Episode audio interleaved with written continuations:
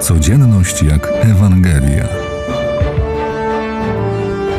O słowie, które zmienia życie.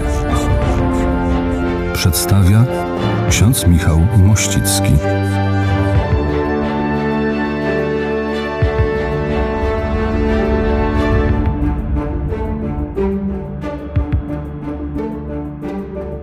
Arcykapłani, starsi ludu, którzy zaraz będą spiskować przeciw Jezusowi, są oburzeni jego działaniem, ponieważ jest zakłócony ich kult ofiarniczy, jakby zakłócona jest ich pobożność, ich takie wręcz posiadanie Boga dla siebie, właśnie w tym, że mogą złożyć ofiarę i mieć, mówiąc w cudzysłowie, święty spokój.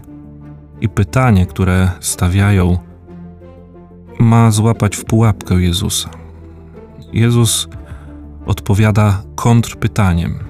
I nie jest to zmiana tematu, ale sugestia ciągłości działalności Jezusa.